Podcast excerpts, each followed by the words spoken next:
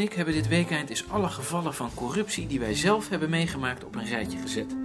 Het is een lijst geworden van 21 nummers, alleen over de laatste twee jaar. Ik geloof het onmiddellijk. Maar dat het er zoveel zijn, hadden we toch geen van beide verwacht. En dan zijn het nog alleen de duidelijke gevallen die ons zo te binnen schoten. Ik heb ook niet gezegd dat mensen niet corrupt zijn. De meeste mensen zijn zo corrupt als de pest. Maar ze worden er niet voor gestraft. Sommigen. Ik ben er wel zeker van dat deze mensen nooit gestraft zullen worden. Geef eens een voorbeeld. 1. De schilders die onlangs onze kamers hebben geschilderd, wilden hun geld zo in de hand hebben en niet over de Giro. En wat heb je gedaan? Over de Giro natuurlijk. 2.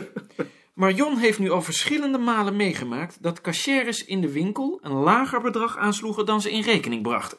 Maar dat blijkt dan toch uit de, k- de kassabon. Nou, dan geven ze gewoon geen kassabon. 3. Kennissen van een zusje van Marion zijn gaan scheiden omdat dat voordeliger is voor de belastingen. Maar ze wonen nog wel bij elkaar. 4. In een winkel voor huishoudelijke gereedschappen, waar Marion onlangs een huishoudelijk apparaat heeft aangeschaft, vroeg de winkelier of ze een nota wilde. Als ze dat wilde, kwam er BTW bij. 5.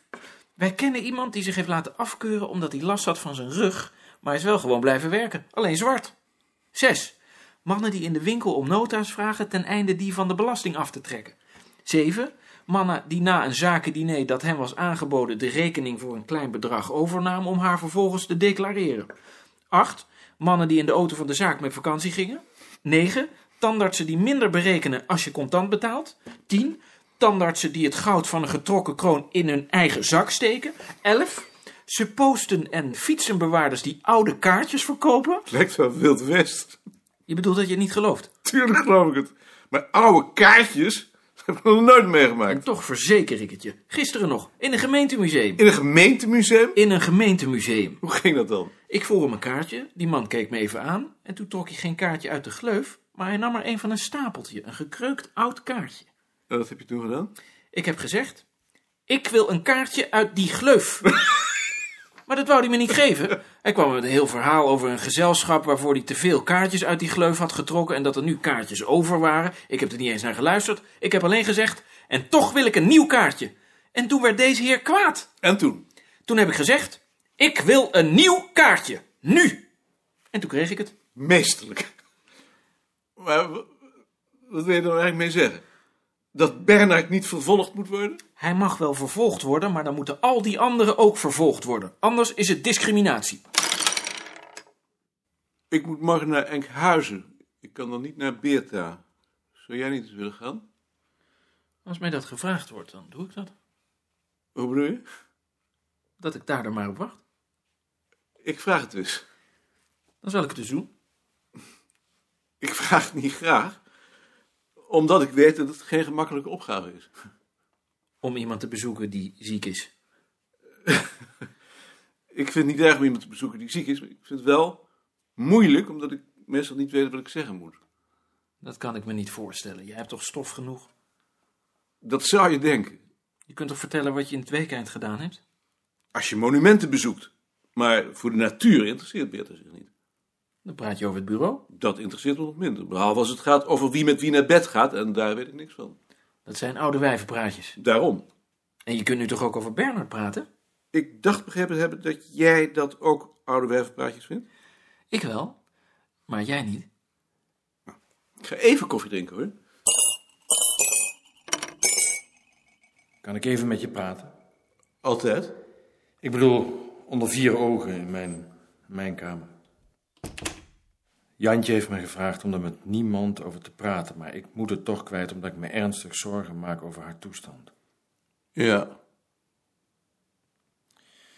Je weet dat ze al een tijdje problemen heeft met haar gezondheid. Ik weet dat ze altijd moe is. Nu is ze naar een iriscopist geweest, zou mijn keuze niet zijn, maar het schijnt dat ze die van Mia heeft. En die heeft haar verteld dat haar lever verwoest is. En daar maakt ze zich nu natuurlijk verschrikkelijk zorgen over. Ja. Maar als je het mij vraagt, dan is ze gewoon overwerkt. Dat zou best eens kunnen, ja. Die man heeft ook gezegd dat ze minder moet gaan werken, want ze vreet zichzelf op. Ja, dat doet ze. In plaats van dat ze zich nu van deel van de tijd laat afkeuren zoals ieder ander, neemt ze iedere week een dag vakantie op.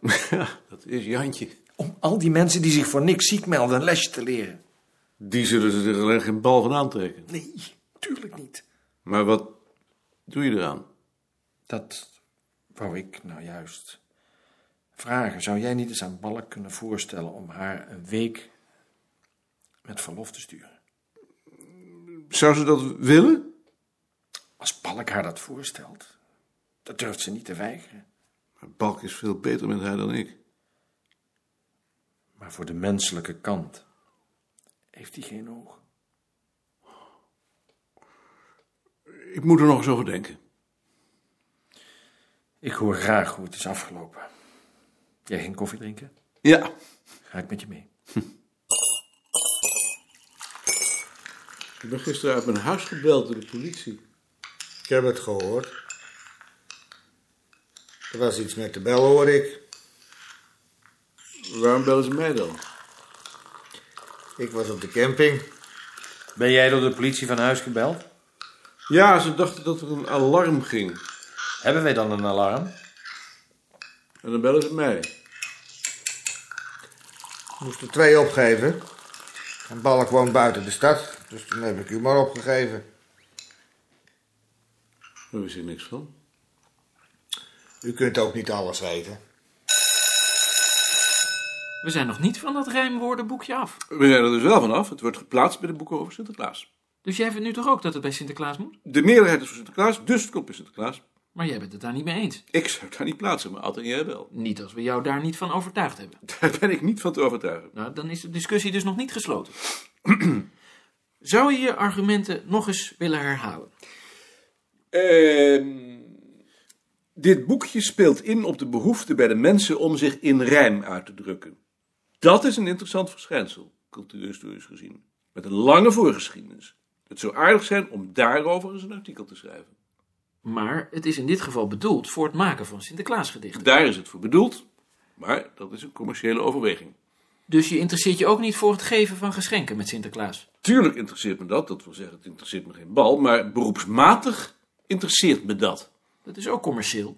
Als ik een artikel zou schrijven over het geven van geschenken, zou ik me ook niet beperken tot Sinterklaas. Dan zou je niet eens mogen beperken tot Sinterklaas. En als er nu een boek zou verschijnen over het geven van geschenken met Sinterklaas. Nou, dan zou ik bij Sinterklaas zetten. Dus dat weer wel. Maar als het geschenkenhuis een catalogus zou uitgeven met tips voor geschenken, onder andere met Sinterklaas, dan zou ik het in een rubriek geven van geschenken geven of zoiets. Maar die hebben we niet. Godzijdank. En als het geschenkenhuis nu met een Sinterklaas-catalogus komt. Want dat gebeurt. Dan zou ik die weer bij Sinterklaas plaatsen. En dat begrijp ik nou niet. Nee. Dan moet je me toch eens uitleggen wat het verschil is tussen zo'n catalogus en zo'n rijmwoordenboek.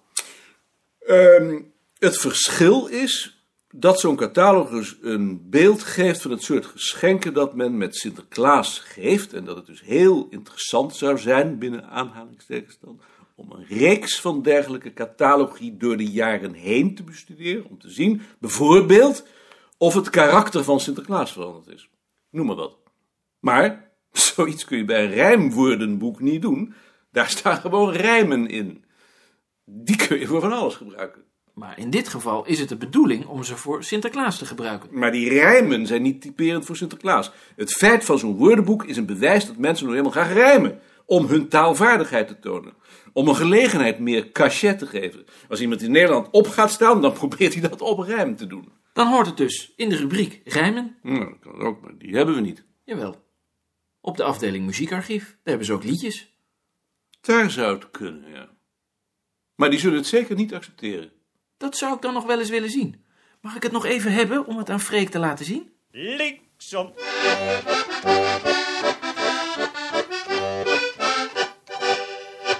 En wat vond Freek? Freek heeft het geaccepteerd. rechtsom,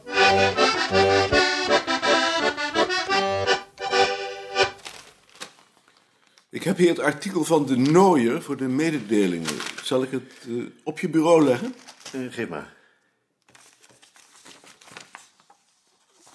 We hadden toch afgesproken dat jullie vier bladzijden zouden krijgen? Dit zijn er minstens acht. Het is lang. Kan ze niet bekorten? Dat kun je haar niet aandoen. Bovendien is het een heel aardig artikel. En van dat kaartje begrijp ik helemaal niets. Dat lijkt me sowieso overbodig. Daar wordt in dat artikel op ingegaan. Nog iets? Je weet dat de specialist tegen Bavelaar heeft gezegd dat ze wat minder zou moeten gaan werken. Daar heeft ze het met me over gehad. Omdat ze daarvoor vakantie opneemt. Daarvan ben ik op de hoogte. Dan is het goed. Dan hoor ik nog wel van je over dat stuk. Dag Maarten. Dag Bart. Daar Maarten. Dag Alt. Bart, hoe was het met Beerta? Ik vond meneer Beerta toch minder dan je hem beschreven hebt. Ik vond vooral ook dat hij er erg vermoeid uitzag, maar ik had ook de indruk dat hij zich maar heel moeilijk beweegt. Met een stok. Ook met die stok.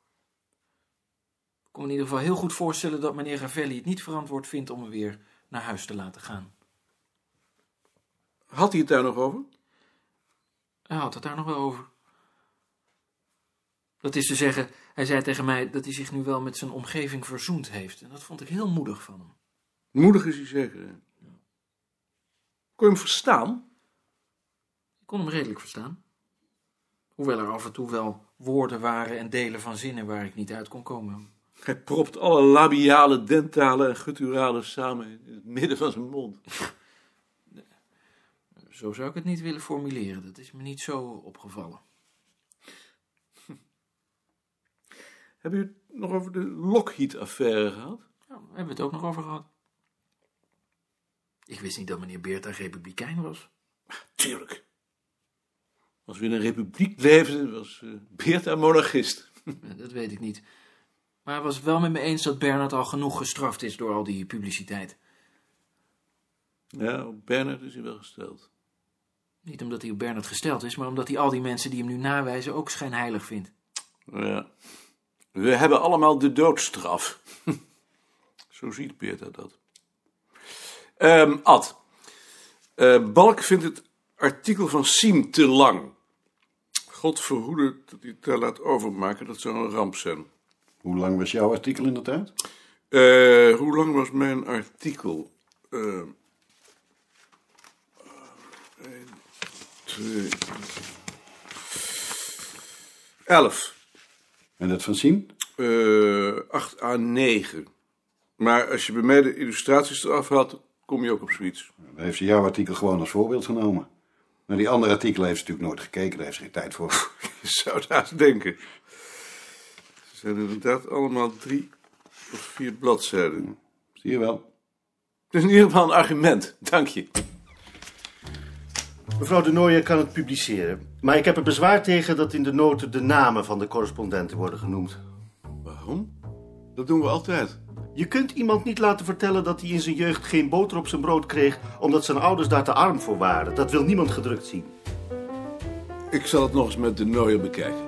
Doe dat.